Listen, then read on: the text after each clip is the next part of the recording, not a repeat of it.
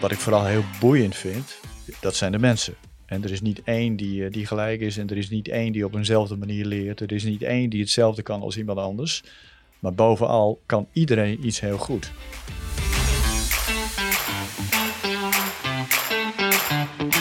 Dit is Word Groter, een podcast van FC Groningen. Over groei, over het leven, over mensen. Mijn naam is Maarten Siepel. En ik ben Wouter Holsappel. In elke aflevering vertellen we een bijzonder verhaal. Er is één gemene deler. De persoon die wij spreken heeft een connectie met FC Groningen. In deze aflevering is Peter Jeltema te gast, die in juni vertrok als hoofdopleiding van FC Groningen. Peter, welkom. Dankjewel. Ja, allereerst uh, Peter, jij gaat aan de slag bij de KNVB als hoofd talentontwikkeling. Waarom heb je gekozen om deze stap te maken? Uh, volgens mij heb ik dat heel mooi verwoord ook in de, in de persverklaring van FC Groningen. Ik, uh, ik heb een bepaalde leeftijd bereikt. Uh, en ik was eigenlijk wel nieuwsgierig of er op deze leeftijd nog, nog amplooi is. En, en voor de rest is het timing. er komt wat langs en je moet of mag er wat van vinden. En, en dat heb ik gedaan. Ja, en, en als we kijken naar, naar die functie van hoofdtalentontwikkeling, wat, wat, wat moet ik precies voor me zien? Ehm, dat is twee, het is een tweeledige functie. Uh, aan de ene kant valt eigenlijk het hele jeugdplan Nederland eronder. Dat, uh, wat in districten gespeeld wordt, wat door uh, regiocoaches bewaakt wordt. Um, en dat is van onder 11 tot, tot in sommige districten onder 16, onder 17. En dat is het platform dat, waarin amateurvoetballers nog de mogelijkheid krijgen en uitgedaagd worden om zich in de kijker te spelen van betaald voetbalopleidingen. Uh, je brengt de betere spelers bij elkaar. En aan de andere kant, uh, ja, voetbalontwikkeling, talentontwikkeling, is, ehm, eh, komt steeds meer naar voren als, als bijzonder. En er wordt steeds meer over geschreven en gezegd en uitgezocht. Sportwetenschappelijke artikelen. Dus doen we dat wat, wat we kunnen of kunnen we verbeteren. En, dus het is ook een beetje pionieren in, in verbetering is het eigenlijk een beetje een soort van hoofdopleiding, maar nu dan op nationaal niveau. In een bepaald onderdeel. Ja. ja, in een bepaald onderdeel. Want het is wel landelijke dekking, dat klopt. Precies. Oké. Nou ja, we gaan het in, uh, in deze podcast hebben over uh, eigenlijk ja, ja, de reis die jij hebt afgelegd. Hè, van, vanaf jongs af aan tot, tot waar je nu bent. Hè, de stap die je gaat maken naar de KNVB. je bent geboren en getogen in de stad Groningen. Waar ben je eigenlijk precies opgegroeid? Ik ben opgegroeid en ik ben geboren aan de Florenkade. Ehm, bij de Oostersluis. En daar woonden wij eh, eh, vrij lang met mijn ouders en mijn zus. En ehm, van daaruit, mijn vader die werkte bij de Nederlandse Bank. En was de voetballer bij GVV ooit. En dus ja, we zijn, we zijn in, daar in een zeer comfortabele manier zijn we in die buurt groot geworden. Ja, uit wat voor gezin kom je eigenlijk dan een beetje? Zeg maar, was het altijd in dat opzicht van, hè, was je vader met uh, ex-voetballer, had het ook zo'n soort van nog invloed een soort van op jou? Nee, zeker niet. Zeker niet. In die zin dat ik altijd meeging. Want hij werd uh, speler-trainer bij Lycurgus. Later uh, heeft hij andere clubs gehad en toen werd ik steeds wat groter en kon ik mee. En ik vond voetbal al hartstikke leuk, maar hij heeft me daarin nooit gepusht of, of geduwd. Absoluut niet. Nee. Hij vond het leuk, dat vooral. Maar wel echt een voetbalgezin dus. Ja, dat klopt. Ja, dat klopt. Mijn, mijn zus die kwam... Uh, ben je nooit meer vanaf gekomen dus? Nee, nee, dat klopt. Mijn zus die kwam uh, met een uh, vriend aan, wat nog steeds een man is. die moest helemaal niets van voetbal hebben. ja, ja of, je, of je schoolt bij, ja, of je redt het niet, geloof ik, of zo. Dus hij is aardig bijgeschoold. Ja, ja, ja. en hij vond het uiteindelijk geweldig. Is trainer geworden, ook weer van zijn kinderen. Dus ja, de, ja, je werd wel geïnjecteerd met voetbal. Ja. En dat is in mijn gezin niet anders geweest. Dus uh, bij jou thuis ook alleen maar voetbal, voetbal, voetbal? Ja, mijn kinderen weten niet anders. Nee, klopt. En hoe was het in, in eerste instantie ook bij jou op school? Ging je ook gewoon in Groningen uh, naar, de middelbare school en naar de basisschool? Ja, ik had het heel comfortabel. Want uh, wij hadden nog de kleuterschool en de lagere school. En daar grensde ongeveer de MAVO aan. Dus ik had binnen 100 meter de drie scholen waar ik, waar ik later naartoe ging. Dus dat was heel comfortabel. Dat was eh, eh, ook, ook allemaal prima te doen. En eh, verder in het voortgezet onderwijs, ja, dan eh, gingen we de grote stad in. En eh, eh, ja, daar kwam niet zoveel meer van school terecht, kan ik je vertellen. Nee, want dan las ik inderdaad al van wat voor scholier was je dan op dat moment? Ik ben een sterk afgeleide scholier die bij God niet wist wat hij, eh, wat hij moest gaan doen. Eh, laat staan dat daar een beroep voor bedacht was, geloof ik. Dus ik had ook helemaal geen uitdaging en ik, eh, ik vond hele andere dingen veel leuker. Eh, Wat dan?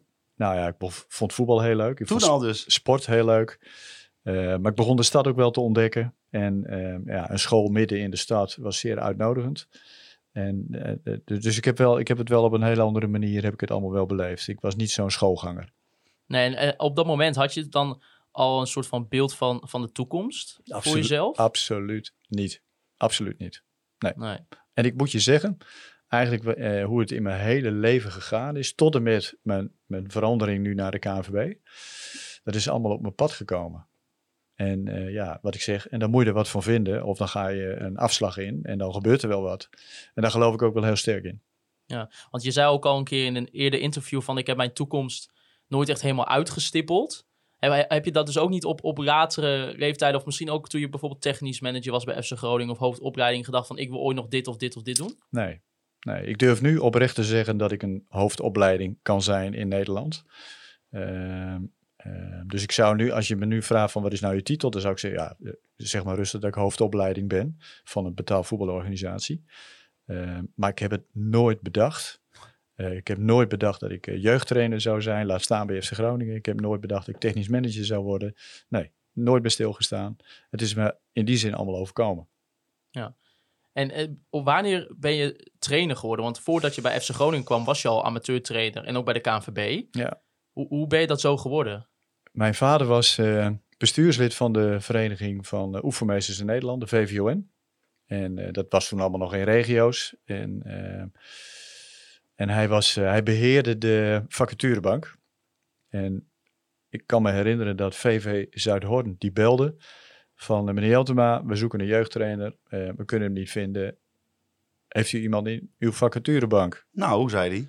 Nou, nee, zegt hij van nee, nee, ik, heb, nee, ik heb helemaal geen jeugdtrainers in de vacaturebank. Op dat moment hoorde mijn moeder iets eh, in deze trant van eh, dat ze dacht van hé, hey, eh, mijn vader heet Jan. Die zei Jan, je hebt ook nog een zoon thuis. En mijn vader die, die zei oh wacht even. En mijn vrouw zegt ook wat. En uiteindelijk werd ik uitgenodigd bij Zuidhorn. Zonder diploma, zonder enige ervaring. En ehm, we kwamen tot elkaar dat ik daar een jaar de C1 ging trainen, begeleiden. En van Lieverlee eh, is er uitgegroeid wat er uitgegroeid is. Hoe oud was je toen? Ik was eh, denk ik toen 24, 25, 24 denk ik. Ja.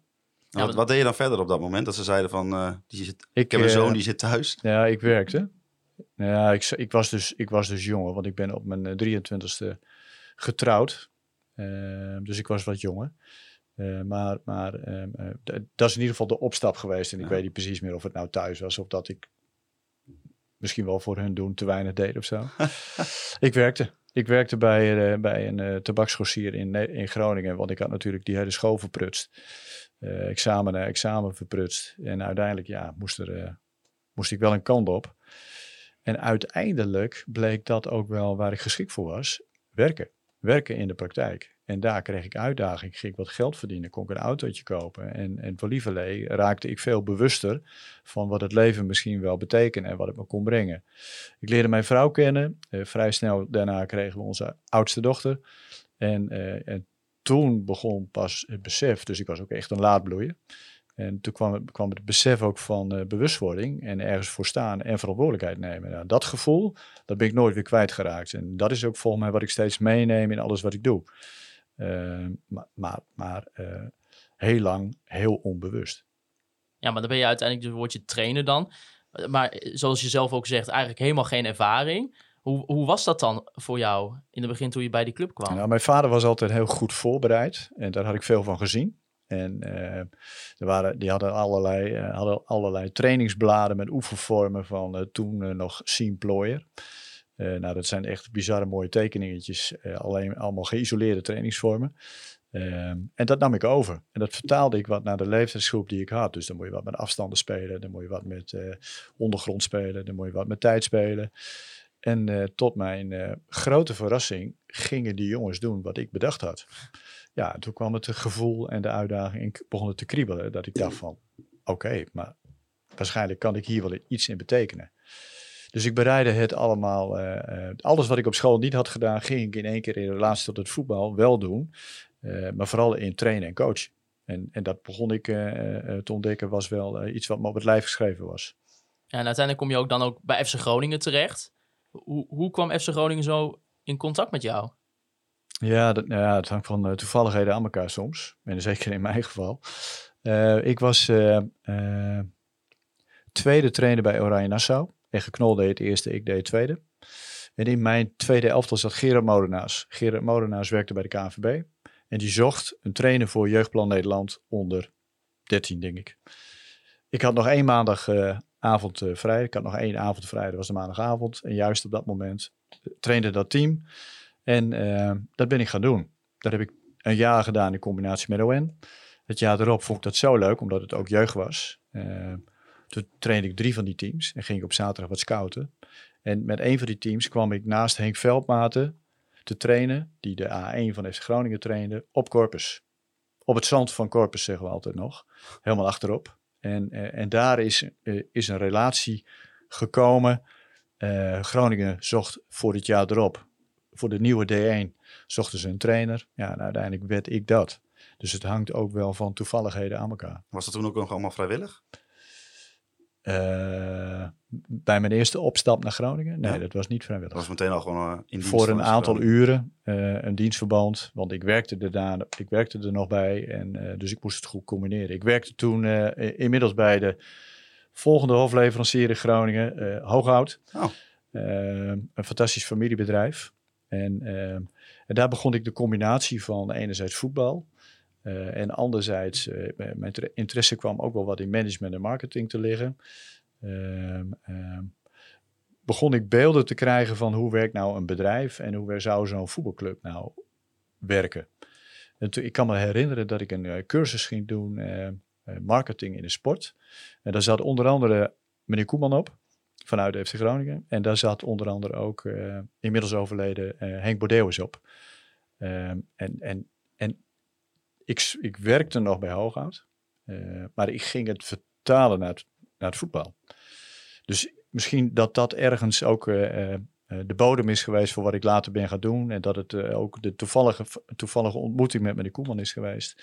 Maar daar, da- da- daar werd mij duidelijk dat naast trainen coachen, ik ook de, dat organiseren en structuur aanbrengen, dat ik dat ook geweldig leuk vond. Hoe zagen die velden bij FC Groningen er toen eigenlijk uit? Ja, dat waren de aardappelvelden. hè. De, de, de geroemde aardappelvelden. Ehm, ja, dat was, allemaal niet, eh, dat was allemaal niet zoals het nu is. Eh, dat was eh, trainen nog net in augustus, begin september op, op gras. En daarna ging het gras eraf en kwamen we in de zandkuil terecht. Dus ja, we hadden behoorlijk wat weerstanden in de training. Achteraf nog niet eens zo gek, hè? want inmiddels is kunstgras zo'n vlakke ondergrond dat als ze op gras komen te spelen, dat het eerder lastig is dan dat het, dan dat het makkelijk is. Ehm, nee, dat, dat was natuurlijk totaal anders dan dat het nu is. En die overgang van de amateurs en dan het- trainen bij de KVB naar, naar FC Groningen, was het ook voor jou een hele grote stap? Ehm, dat vond ik wel een, dat vond ik, ja, dat vond ik wel een dingetje. Dat vond ik wel een grote stap. Ja, absoluut. Want de KVB was eh, één keer in de twee weken misschien met een bepaald team. En dit was gewoon eh, drie, vier keer per week plus een wedstrijd op zaterdag. Maar ik vond dat ook wel wat FC Groningen, D1. Hè, dan, dan ging het land ook in en dan kwam je tegen eh, grote tegenstanders te spelen. En ja, dat, dat moest allemaal wel kloppen. Ja, je zegt net van, ik heb niks uitgestippeld, maar had je dan ook niet een moment dat je dacht van, oh, nu zit- sta ik ineens bij FC Groningen op het veld te trainen? Ja, ja, nou ja, eh, dat had ik nooit eh, bedacht dat dat ook kon. Totdat ik ervoor gevraagd werd. En ook toen moest ik een keuze maken van ga ik het doen of ga ik het niet doen. In, in combinatie met een heel jong gezin. Eh, in combinatie met een eh, werkgever als hooghoud. Maar ook wel dat elke stap die ik in het voetbal gemaakt heb, be- betekende ook middel, onmiddellijk voor ons gezin een stap terug financieel. We noemen het ook niet voor niks de macaroni-tijd thuis. Want dat hebben we ontzettend vaak gegeten. Maar dat, dat was wel een, eh, dat, was het ook, dat was de investering, maar dat was het ook alleszins waard. Want ik had wel door dat dat uiteindelijk mijn beste route was. Maar altijd in balans met, uh, met Hooghout en FC Groningen. Dus je zou wel zeggen dat het een soort van, uh, nou ja, offer is misschien een zwaar woord, maar dat, dat je wel offers daarvoor moet brengen. Ja, nooit op die manier uh, zo ervaren. Maar ik noem het altijd wel een forse investering. Ja, ja. En zelfs dan twee jaar later, dan word je al hoofdopleiding van FC Groningen. Dat, dat moet ook wel een bizar moment zijn geweest. Ja, ik, ik, ik, ik voelde mij een soort van jongste bediende. Baren Beltman was trainer, Hans Robben was trainer, Ege Knol was trainer, Grafton Holband was assistent trainer. En ik deed de D1. Uh, ik kan me herinneren dat Hans Robben, uh, Ege Knol en ik tegelijk in de club kwamen. Uh, en uiteindelijk twee jaar later, toen Henk Veldmaten dan eindelijk technisch manager werd bij FC Groningen. Dat was denk ik weer met de promotie. Dat hij dat officieel kon doen. Want Henk combineerde zijn hoofdopleidingschap dan ook met de ALO toen, waar hij docent was. Um, um, ja, werd ik gevraagd als, hoofdopleiding. Als hoofdopleiding. Ja, dat was wel weer net zo'n bijzondere ervaring als het gevraagd worden als, uh, als, als jeugdtrainer. En uh, ik heb me wel eens bedacht van waarom ik, want die anderen hadden misschien die ambitie ook wel. Maar ook in onze overleggen maakte ik notulen. ik bereidde dingen voor. Ik bracht structuur. Ik wilde alles tot in de puntjes verzorgd hebben. En op een of andere manier is dat denk ik herkend en erkend. En werd ik hoofdopleiding, waarbij ik bij God niet wist wat dat betekende. Ja, heb je nog mooie herinneringen aan die periode, zeg maar, waarvan je nu zou zeggen van ja, dat, kan nu echt, dat kan echt niet? Nou, als je onze huisvesting neemt, nou ja, als je nu het topzorgcentrum neemt, dan zaten wij daar in een, uh, in een paar containers van 6 bij 3. Um, uh, geplakt aan de kleedkamers die er nu nog staan van GSC. Um, en daar zat de medische staf in, daar zat de dokter in, daar zat de kleedkamer in, daar zat de studiecoördinator in. Uh, er stond een enorme grote tafel in waar wij als trainers allemaal zaten. Er was één, één koffiezetapparaat en, en, en, en, en dat was het. Dat was het. Uh, ja, ondenkbaar dat dat... Dat, dat, nu dat was een profclub. Dat was een profclub, ja zeker. En we, en we waren al vooruitstrevend doordat we de D1 erbij nemen, waar we ook nog een boete voor kregen. Want dat mocht helemaal niet. Je mocht niet samenwerken met een amateurclub. En Groningen werkte daar samen met GSC. Dus en GSC en FC Groningen kregen een boete. Uh, want we gingen de lijntjes uh, te buiten. Uh, maar, maar, ik denk dat we heel vooruitstrevend waren op dat moment door dat allemaal al te doen. Maar als je onze huisvesting zag, ja, dat, nou, ik noem net aardappelvelden, uh, containers, kleedkamers die we deelden met GSC. ja, ondenkbaar dat, je, dat dat nu nog zo zou zijn. En dan had je in het begin eigenlijk ook nog het idee van, oh, ik ben nu hoofdopleiding wat moet ik eigenlijk gaan doen? Ja, ja, er zijn inmiddels cursussen voor en, en, en uiteindelijk is dat ook hartstikke goed. En ik voelde mij veel meer uh, coördinator en organisator. En dat was het in de basis ook. Zorgen dat uh, de secundaire voorwaarden zo goed mogelijk voor elkaar waren om het primaire deel zo goed mogelijk te kunnen doen. Uh, ja, dat was vervoer en dat was wedstrijdsecretariaat en dat was schema's en dat was contact met de dokter en dat was noem maar, maar op. En maar uiteindelijk ontstond daar natuurlijk ook uit het beoordelen of het aangaan van contracten met collega's, waar ik inmiddels een paar jaar mee samenwerkte. Ja, en twijfelde je ook nog wel toen je werd gevraagd om het wel of niet te doen? Ik heb bij alles wat, uh, wat me eigenlijk wel overkomen is, elke stap, ook nu weer, heb ik me altijd afgevraagd van of ik het zou kunnen. Ja, dus ja, de kun je te twijfelen noemen. Ja. Ik twijfel heel veel namelijk. En dan, ja, en dan is het ook nog, je krijgt zoveel eigenlijk aspecten die je moet gaan regelen. Van, werd het soms dan ook niet gewoon al te veel dat je denkt, oh, ik moet ook nog dit doen en dit? Ik zal je vertellen, ik deed volgens mij s'morgens de deur open. En na de laatste training deed ik hem ook weer dicht. En dat betekent dat het bijna van acht tot acht op de club of zo. Maar dat kostte totaal geen moeite. Want en, en dat kwam uit mijn verantwoordelijkheidsgevoel, maar het kwam ook wel uit het feit dat ik het ook echt goed voor elkaar wil hebben. Ja. Vond je het wel leuk? Ik vond het geweldig. Ja, ik vond het geweldig. En uh, het mooie was dat uh, ja, thuis regelde mijn vrouw thuis. Hè, en die, uh, dat, daardoor kon het ook, hè? Want anders was het, het was wel af en toe wel wat asociaal naar mijn gezin toe. Ehm, maar daar hebben we toch in redelijk goede banen kunnen leiden.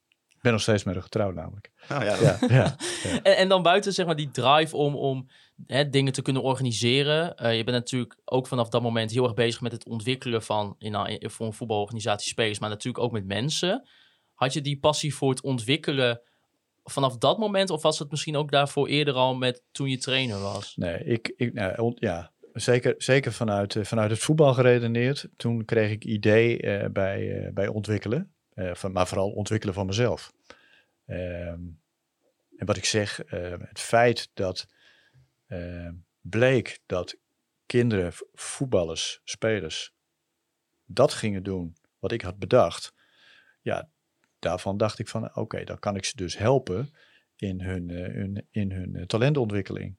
En daar maakten we lijstjes op van, eh, van verbeterpunten of eh, goede acties. Of we namen ze mee in, in, de, in de gesprekken. En, en dus van lieverlee groeide daar wel uit dat ik, ja, dat, dat ik eigenlijk wel sta voor talentontwikkeling in alle facetten. Ja, wat zijn dan aspecten wat je daar zo mooi aan vindt aan het ontwikkelen van, van jonge spelers en mensen? Nou, vooral, wat ik vooral heel boeiend vind, dat zijn de mensen. En er is niet één die, eh, die gelijk is en er is niet één die op eenzelfde manier leert. Er is niet één die hetzelfde kan als iemand anders. Maar bovenal kan iedereen iets heel goed. En eh, ja, daar geloof ik heilig in. En, en dat aanboren, daar vertrouwen in creëren, zodat iemand eh, daarin kan verbeteren. Ja, dat, dat, vind ik mooi. En als je dat met één iemand moet doen, nou ja, dan, dan is dat al heel rijk. Maar als je ze ook nog met elkaar moet laten samenvoetballen, of als team van, van 18, 20 man eh, moet laten renderen, of allemaal moet laten ontwikkelen, dan is het dubbel boeiend. Want dan eh, eh, de een speelt en de ander zit dus wissel. En de een wordt ziek en de andere weet ik veel. Maar de, dus, dus de samenhang van zo'n team, ja, dat is ontzettend boeiend. Heb je ook bijvoorbeeld een voorbeeld van aan, aan die beginperiode dat je misschien nog een beetje twijfelde? Of, nee, je twijfelt altijd, zei je net. Maar dat je denk- denkt van zo, daar heb ik iets voor bedacht. En dat is echt helemaal daardoor gaan ontwikkelen tot iets moois. Ja, ik, ik kan me herinneren dat ik kan me herinneren dat wij eh, we hadden een spelletje eh, eh, uit het Oosterpark. Toen was het Oosterparkstadion er ook nog. En ja, die hadden, die hadden het niet heel makkelijk en niet heel breed. Dus ja, daar voelde ik, me, voelde ik me zeer verantwoordelijk voor. Want die kinderen moesten dan van Corpus terug naar huis. En hij, was niet, werd niet altijd opgehaald. Dan zorgde ik er altijd voor dat, dat iemand hem mee kon nemen of zo. En eh, veiligheid creëren, vertrouwen creëren. Eh, als ik diezelfde jongen nu nog tegenkom, want hij heeft het niet gered, dan is het nog altijd, eh hi meneer, hoe gaat het met u? En, en, en, dus er komt heel veel voor terug. Dus er is een grote mate van respect en, en een soort van onderlinge band creëren daarmee. Ja, dat vind ik mooi, want ik vind vooral de relatie daar, daarin heel belangrijk. En uiteindelijk het vertrouwen wat je met elkaar opbouwt. Maar ik kan ook wel zo'n voorbeeld noemen van waar het falikant fout ging hoor. Dat ik dacht dat ik het heel goed deed en dat ik, eh, dat ik totaal de, de plank missloeg. Dus eh, ja, het is er allemaal. Ja. Wat, wat was daar bijvoorbeeld dan een voorbeeld van? Dat je echt dacht, hier zit ik helemaal verkeerd. Nou, dat ik wel eens een keer een kind heb aangesproken en zo duidelijk wilde zijn dat, ik, eh, ja, dat, dat het onveilig werd. Eh, dus ja, het is, het, is er, het is er allebei geweest. En bij zo'n voetbalclub en misschien ook wel in, ah, bij, het bij een organisatie in zijn algemeenheid, ja, hoe creëer je de meest ideale plek voor mensen om zich soort van maximaal te kunnen ontwikkelen? Ja, dat, dat, ja, wil je mensen laten ontwikkelen, dan moet je ze meenemen in hun verhaal. En, ja, en dan moet je daar een vertrouwenshek omheen zien te krijgen. Ehm, en dat denk ik dat dat de essentie is. Ehm, ehm, kijk, op het moment dat je allemaal dingen gaat benoemen die ze niet kunnen, ja, dan, dan weet je dat ze dat in ieder geval zeker weten. Eh, als je datzelfde kan omzetten en aanzetten eh, bij iemand eh, om te benoemen wat iemand wel kan, ja, dan denk ik dat je daarin rendement gaat halen. Maar dan moet je wel heel duidelijk in, in kunnen en willen zijn. Zowel in positieve als in minder positieve zin. Ik denk dat dat wel een sleutel is voor, voor succes. Ja, en je noemt ook al dat eigenlijk het ontwikkelen van mensen vind je veel mooier. En je zei ook wel eens een keer eerder in een eerder interview van hè, als, eh, als hier zeg maar iemand binnenkomt bij FC Groningen, dan bepaalt de houding en het gedrag of het een succes wordt. Hoe, wat bedoel je daar precies mee? Ik heb je eh, wel, ik, eh, misschien, is, misschien is het mijn blinde vlek, maar ik geloof erin dat als mensen willen en kunnen investeren in hun eigen ontwikkeling, wat dat dan ook mogen zijn, dat je dan heel ver kan komen. Ehm, en sommigen gaan daaraan voorbij en hebben we heel veel talent, maar willen te weinig investeren. Ik kan me herinneren dat hè, we hadden een hele mooie ruimte en een, hele grote tafel. Eh, die tafel staat nog steeds op Corpus, want dat was de tafel van meneer Koeman. En hij zat aan het hoofd. En ergens stond een barretje en daarachter was een koelkast. En we maakten, we maakten gebruik van stagiaires. Nou, de stagiaire die binnenkwam, om dat barretje heen liep, de koelkast indook en een colaatje inschonk, zonder dat hij zich voorgesteld had, die was kansloos. Uh, dus ja, de, de, de, een bepaalde norm, een bepaalde discipline uh, was ervoor nodig. En, en als je daar doorheen was en als je wilde investeren, ja, dan ben je aan alle kanten geholpen. Hè, de, de, ja, nou ja, daar ben ik wel erg van. Ja, en wat doe je dan bijvoorbeeld als organisatie als je jonge spelers hebt die, die daar moeite mee hebben met, met hun gedrag? En spiegelen, reflecteren, vragen stellen. Uh, uh, om, om ze in ieder geval, en zeker, en zeker uh, bij de jonge mensen is dat natuurlijk geweldig mooi. want uiteindelijk reflecteert aan teamgedrag en een teamprestatie. En het mooie is dat alles kan teruggelegd worden. Wil je speler van het eerste worden? Nou ja, dan zegt iedereen ja. Oké, denk je dat dat op deze manier gaat lukken? Nou ja, dan kom je al in een twijfelgebied. En, en, als je daarop door gaat vragen en je gaat de mensen meenemen in de route naar een eerste elftal, ja, dan raak je, raak je voor mij de kern. En dan denk jij dat de hoofdtrainer dit op deze manier zou willen. Nou ja, dus ja of nee. En dan kun je dus, dus steeds reflecteren aan een soort van hooggelegen doel. Want dat willen ze allemaal. Ja. En dat wordt het ook heel beeldend en sprekend. En volgens mij heb ik, ik heb dat bijvoorbeeld heel duidelijk gemist in mijn onderwijs. Ik ben, er was één leraar volgens mij die mij kon raken. Dat was een geschiedenisleraar, maar die kon geweldig vertellen. Dus ik dacht ook, ik wil geschiedenisleraar. Maar dat had alles met die man te maken. En ik denk dat dat van ongekend belang is dat je een trainer, een coach treft die jou kan meenemen in, in die route naar, naar een hoger gelegen doel. Had je dat zelf ook toen je in de voetbalwereld zat? Iemand die dat bij jou deed? Jazeker, ja zeker. In, toen ik, toen ik uiteindelijk, ja, ik heb een jeugdtrainer, ik heb vijf jaar in een, in een soort van vijfjarenplan ge, gevoetbald bij Lycurgus met een aantal jongens en ik was daar veruit de jongste van. Uh, maar de bedoeling was dat dat team vijf jaar bij elkaar zou blijven. Uh, uh, ja, en die trainer, die kon ons meenemen in, in, in wat ik net noem. Van, en die keek ook erg naar individuen. Ik had alleen de pech dat ik heel lang heel klein was en dat ik niet mee kon in, het, in de fysieke uh, in, de, in de fysieke ontwikkeling. En bij FC Groningen? Was daar ook iemand die... Ja, ja ik moet je zeggen dat uh, uh, Henk Veldmaten was zo, is zo'n man. Dat is hij nog steeds. Hè? Ik heb nog steeds contact met Henk. Hoe Henk vragen stelt, hoe Henk geïnteresseerd is, hoe Henk doordenkt. daar moet eigenlijk wel vreselijk veel geluk mee hebben. Uh, maar dat is, dat is zo'n man. Uh, meneer Koeman deed het weer op een hele andere manier. Uh, andere manier. Uh, maar die wist, daar ook, wist me ook wel te raken. Uh, maar ook de collega's. En, en ja, dus de omgeving van, van de club, uh, ja, die, die heeft, heeft mij meegemaakt tot wat ik ben. Want wat was die invloed van meneer Koeman op jou?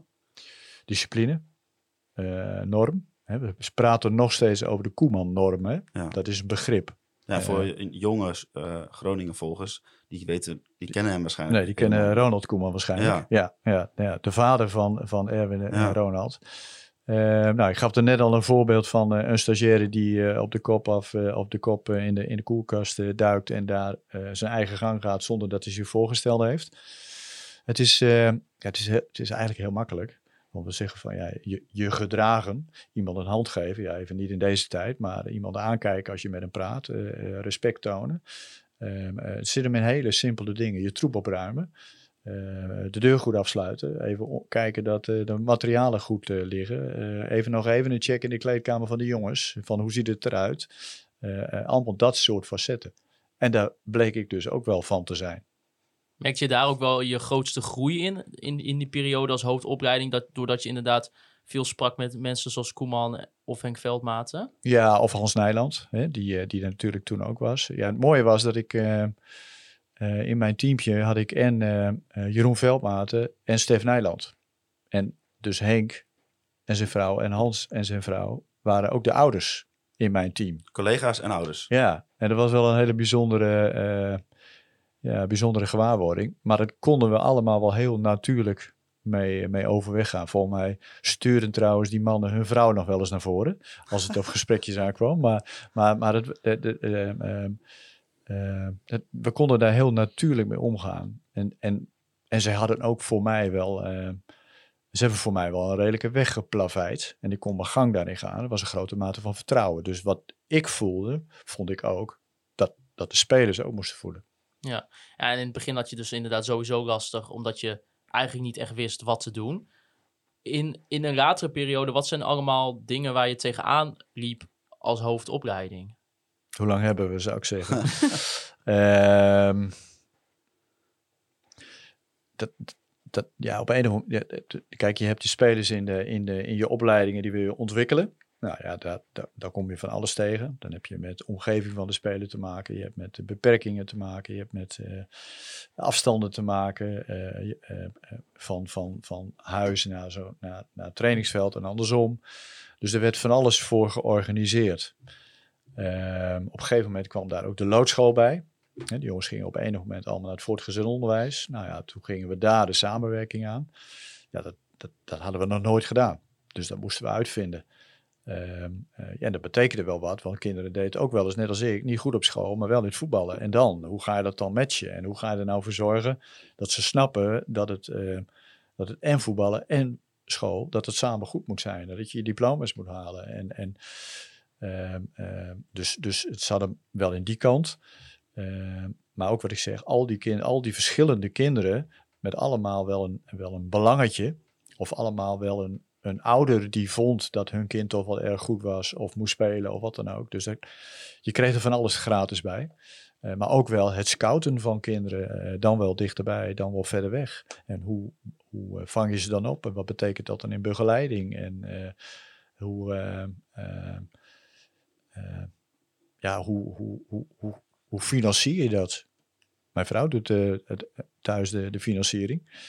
En ik denk dat is me goed ook. Eh, eh, maar ja, dat moest allemaal wel geregeld worden. Het, Maar- kost, het kost ook geld. Die eerste periode was eh, dat je eh, hoofdopleiding was, was toch van 2000 tot 2014? Klopt. Ja, maar ik, in mijn hoofd, en dan mag je me corrigeren als het fout is, was 2000, voor mijn gevoel was dat echt nog een beetje de prehistorie van, eh, van het profvoetbal. En 2014 was al echt, toen stonden we, stonden we, nee dat was 2010, maar 2014 stonden we in de eh, kwartfinale of in de halve finale van het WK. Ja. Dat is, is zijn maar 14 jaar, maar is, daar is volgens mij heel veel gebeurd in Ja, 14 klopt. jaar. Toen ik bij de club kwam in 98 waren we gedegradeerd.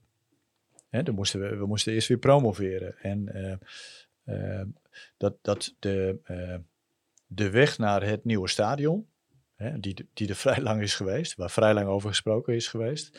Was dat gesprek al gaande toen je, toen je, Ja, toen je kwam? de- eh, twee dingen. Eén, dat stadion. Van, eh, eh, dat zal eh, ook rond 2000 geweest zijn dat dat eh, serieuzer werd. Eh, en, de ontwikkeling op. Corpus.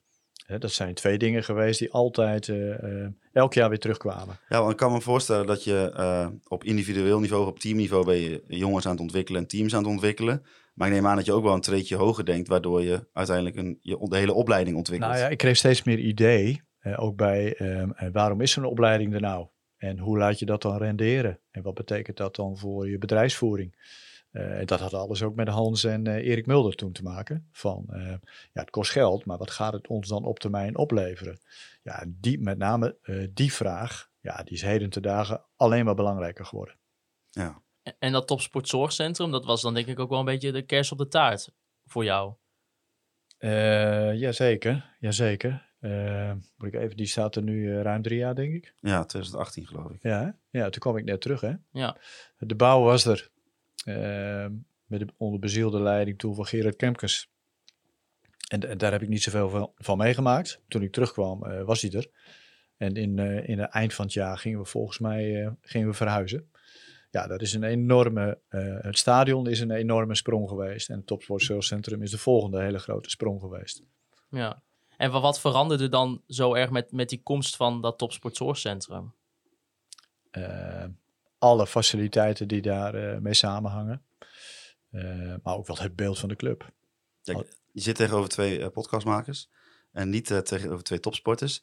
Als nieuwe spelers bij FC Groningen komen, jeugdspelers, echt grote spelers, maakt niet uit. Dan zeggen ze altijd, ja, die faciliteiten die zijn zo goed. Is dat echt zo'n ongelooflijk belangrijk ding? En hoe belangrijk is dat? maar als je, eh, eh, waarbij menigeen het ook kan afzetten tegen wat er voor- de rest in Nederland te koop is. Er zijn een paar clubs, daar is het ook geweldig voor elkaar. Maar daar kan Groningen zeer moeiteloos mee meten. En, dat, eh, en voor heel veel mensen is het natuurlijk ook wat er altijd niet was. We leefden in containers. Er kwam in één keer een geweldig gebouw. Voetbal onder één dak, heb ik altijd gezegd. We hadden het eerste elftal heel lang bij het, bij, eh, bij het stadion en in het stadion. Scouting, eh, dat zweefde ergens eh, in het midden. En de opleiding zat in containers op, op Corpus. Ja, en nu kwam, kwamen die drie aspecten bij elkaar. Dus het is een voetbalbolwerk geworden wat onder één dak huist. Met gebruik maken van ja, zeer geavanceerde middelen, maar ook zo'n topsporthal. die, er, die er uiteindelijk bijgekomen is. Ja, dat biedt zo ontzettend veel bekijks. Maar dat, daar kun je ook geweldig in werken. Ja. En daarmee is de hele fysieke leerlijn binnen onze eh, opleiding heeft ook geweldige vorm gekregen. En dat je als eh, jeugdspeler een paar veldjes verderop eh, het team ziet waar je uiteindelijk wil, wil eindigen. Ja, en dat, en dat was de bedoeling, hè? Dat, je kan, dat je kan zien waar je naartoe moet groeien. En dus soms is het maar 20 meter, maar is het een enorme afstand. En soms is die afstand ook zo klein dat je de, nou ja, Tijmen Blokzeil en nog een paar van, de, van, de, van die jonge jongens de- tegen Zwolle op de bank zaten. Eh, dus het, is, het kan elkaar raken. Je kan elkaar zien en je kan elkaar, kan elkaar raken. Dus eh, dat maakt het heel bijzonder. Ja, dat was dan de, de periode in 2018 dat je terugkwam. Ehm, daarvoor heb je eigenlijk nog twee banen eh, gedaan. Eén bij de KNVB, maar ook allereerst nog wederom bij FC Groningen als technisch manager. Want in 2014 ging je van hoofdopleiding naar technisch manager. Wederom een verrassing. Jij, jij hem al in. Ja. ja, dat klopt. Ja, ja, dat, ja, ook daar had ik niet bij nagedacht. Henk Veldmaten die eh, was natuurlijk heel lang technisch manager. Of manager voetbaltechnische zaken, heet het geloof ik. Heet het toen in die, eh, in die tijd. Maar, eh, eh, en Henk wilde wel terug naar, naar meer in de praktijk. En wat minder ballast van beleid en, en, en geld. En alles wat ermee te maken had. En management, want dat nam hand over hand wel toe. En Henk werd uiteindelijk hoofdscouting weer. En toen zocht de club een nieuwe technisch manager. Ehm, en op een moment werd ik daarvoor gevraagd. Ja, nou ja, ja het is een beetje stereotyp voor, voor deze podcast, maar ook daar had ik niet op gerekend. Nee. En, Maar- en wederom moest ik er weer wat van vinden. Toen Ja. je gebeld werd voor deze podcast, had je er toen wel op gerekend. Ja, nee, ik, hier had ik wel op gerekend. Ja. nee, maar inderdaad, je wordt dan technisch manager. Eh, opeens, in plaats van dat je alleen met een, een jeugdopleiding bezighoudt, ben je nu eigenlijk vooral direct gewoon geconcentreerd op dat eerste elftal, transfers, ehm, zaakwaarnemers. Hoe, hoe was dat? Ja. Ja, nou ja, ja, aldoende leert men, zou ik bijna zeggen. Eh, en, ik, en ik, kijk, Henk zat natuurlijk in de club, dus het bleef nog steeds een vraagbaak. Hans, die, eh, die kon aardig eh, de weg vinden in dit hele geweld. Eh, en daartussendoor eh, eh, bewoog ik me en leerde ik aldoende wat het precies inhield. Maar het was wel een spoedcursus, kan ik je vertellen. Want zoveel tijd was er niet voor. Ehm, en ik begon ik 1 juli, ik weet het niet eens meer. Ik weet niet eens meer wanneer. Nee, 1 september begon ik. Dus Henk deed de transferperiode nog. En ik lifte drie maanden mee. Dus ik kon een beetje afkijken. En kon me er een klein beetje mee bemoeien. En vanaf 1 september nam ik het stokje over. Eh, ja, ik, ik, ik moet je zeggen dat dat wel heel, heel natuurlijk is verlopen. Ehm, transfers is een bijzonder ding. Maar goed, daar had ik natuurlijk altijd Hans bij. Eh Henk als hoofdscouting kwam met, de, met goede spelers. En later Carlos Albers als eh, hoofdscouting. En, en dan kom je met elkaar in gesprek. En dan, ik moet je zeggen, dat vond ik niet eens het moeilijkste. Spelers, eerste elftal, eh, scouting. Wat was wel het moeilijkste dan? Ik vond eh, verwachtingen eh, heel moeilijk. Ik vond eh, pers heel lastig. Ja, dat pers is ook heel lastig. Ja, maar ik, maar ik vond ook gewoon dat ik niet alles hoefde te vertellen. En klaarblijkelijk ho- hoorde dat er wel bij. Ja, ik vind nog steeds, dat vind ik nog steeds overigens. Ehm, ehm, dus het was veel meer de rand dan, dan, dan de core business. Hè? Ehm, eh, publieke opinies. dus dus het zat hem, het zat hem niet, niet zozeer in mijn primaire taak. Want ik denk dat ik dat best wel behoorlijk heb gedaan. Vond je eigenlijk gewoon het meer op de achtergrond werken fijner dan inderdaad voor de camera staan Ah. van RTV Noord eh, bijvoorbeeld? Ik eh, kan er niet omheen dat ik, eh, dat ik dan wel waarschijnlijk wel op mijn best ben. Hè, dat ik als ik een stap naar achteren kan doen en daar als een soort van tweede man flink kan ondersteunen.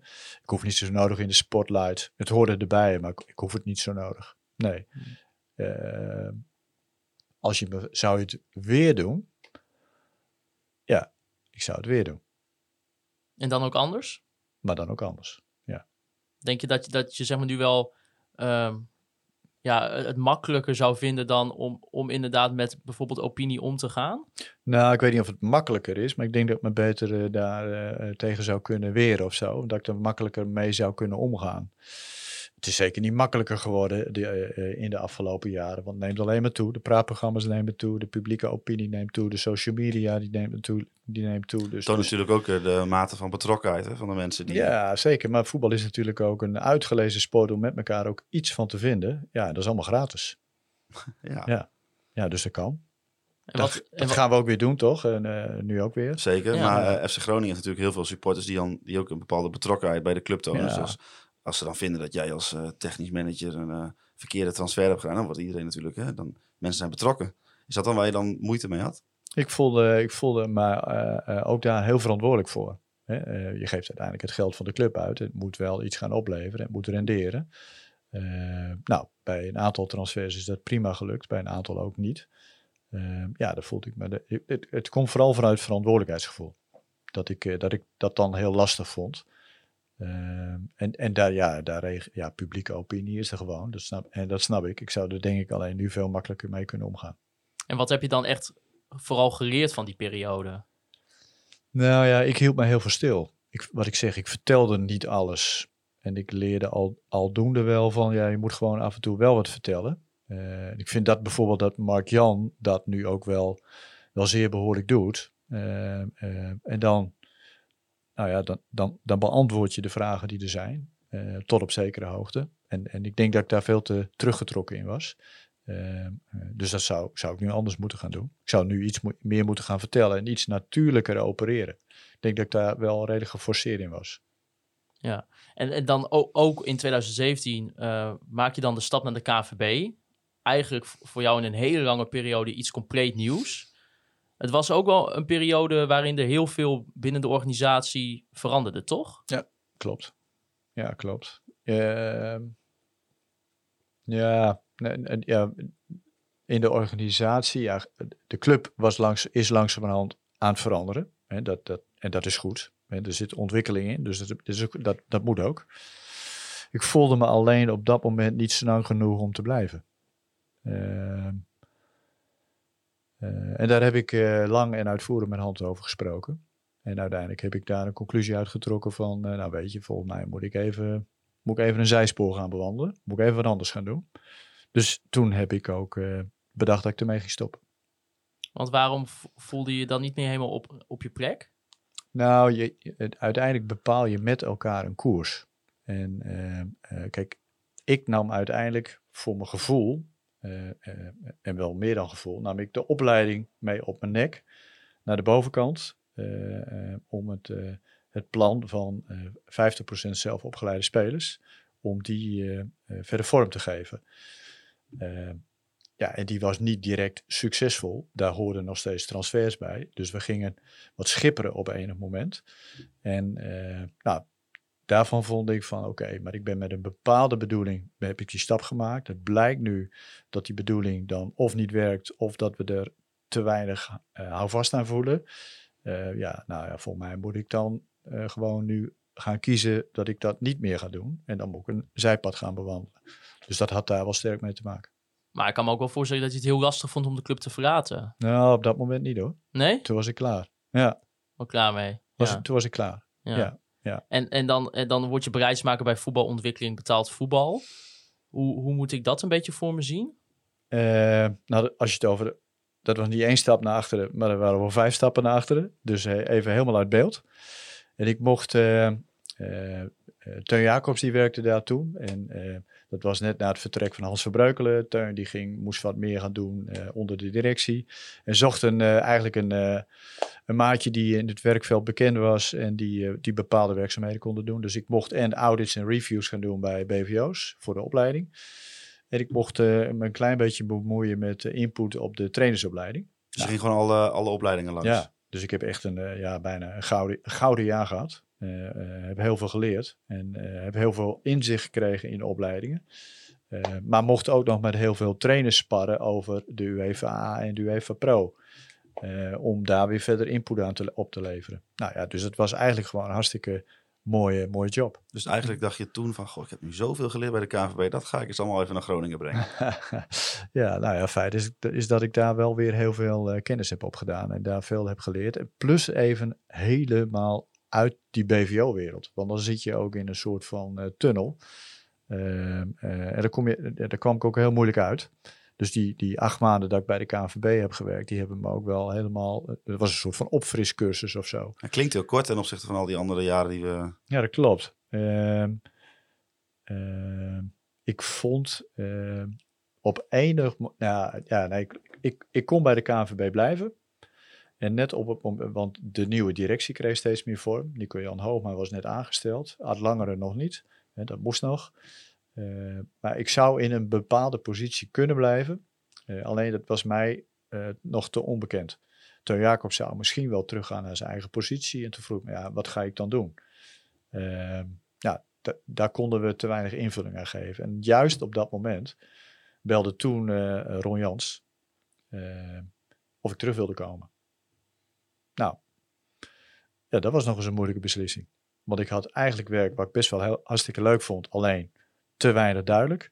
En aan de andere kant wist ik ongeveer ook wel weer waar ik terug zou komen. En ik had er afscheid van genomen. Ik had een geweldig afscheid gehad bij die club. Dus ik dacht ja, nou ja, daar heb ik een nacht wakker van gelegen. Van wat ga ik nu doen? En die keus heb ik echt tot het laatste moment knijten moeilijk gevonden. En uiteindelijk denk ik dat mijn Groningen hart daarin gesproken heeft. En heb ik uiteindelijk ja gezegd tegen Groningen. Want waarom kwam dan toch het gevoel bij jou dat je denkt, ja, oké, ik kan wel weer gewoon op dezelfde lijn staan met, met hoe de club dat wil? Ehm, nou, dat komt in ieder geval omdat we daar met elkaar, eh, en ik, en dat noemde ik net al met Hans, eh, eh, hartstikke helder en duidelijk over gesproken hebben. Eh, zodat er ook niks meer op tafel hoefde te komen, maar dat het klaar was.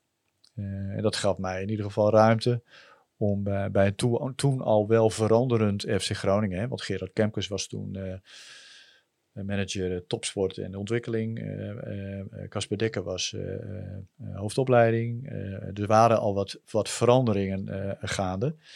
Dat ik dacht van, nou ja, oké, daar, daar, wil ik, daar wil ik wel weer bij horen. Daar wil ik wel, eh, met alle kennis die ik nu heb, wel, wel een volgende We maken nu stap de overstap weer naar de KNVB. Nou hebben we al, hebben we het al eerder genoemd eh, dat er een, een, een Koeman-norm is. Mhm. Maar hoe denk je eigenlijk dat mensen op Jeltema terugkijken?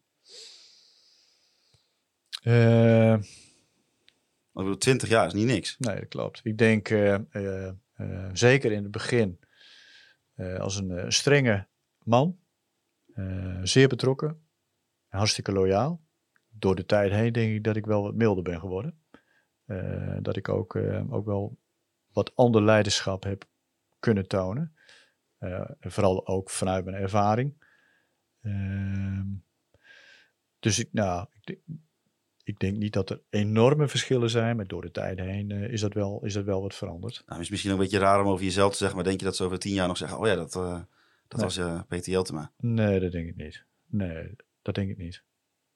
Helemaal niks.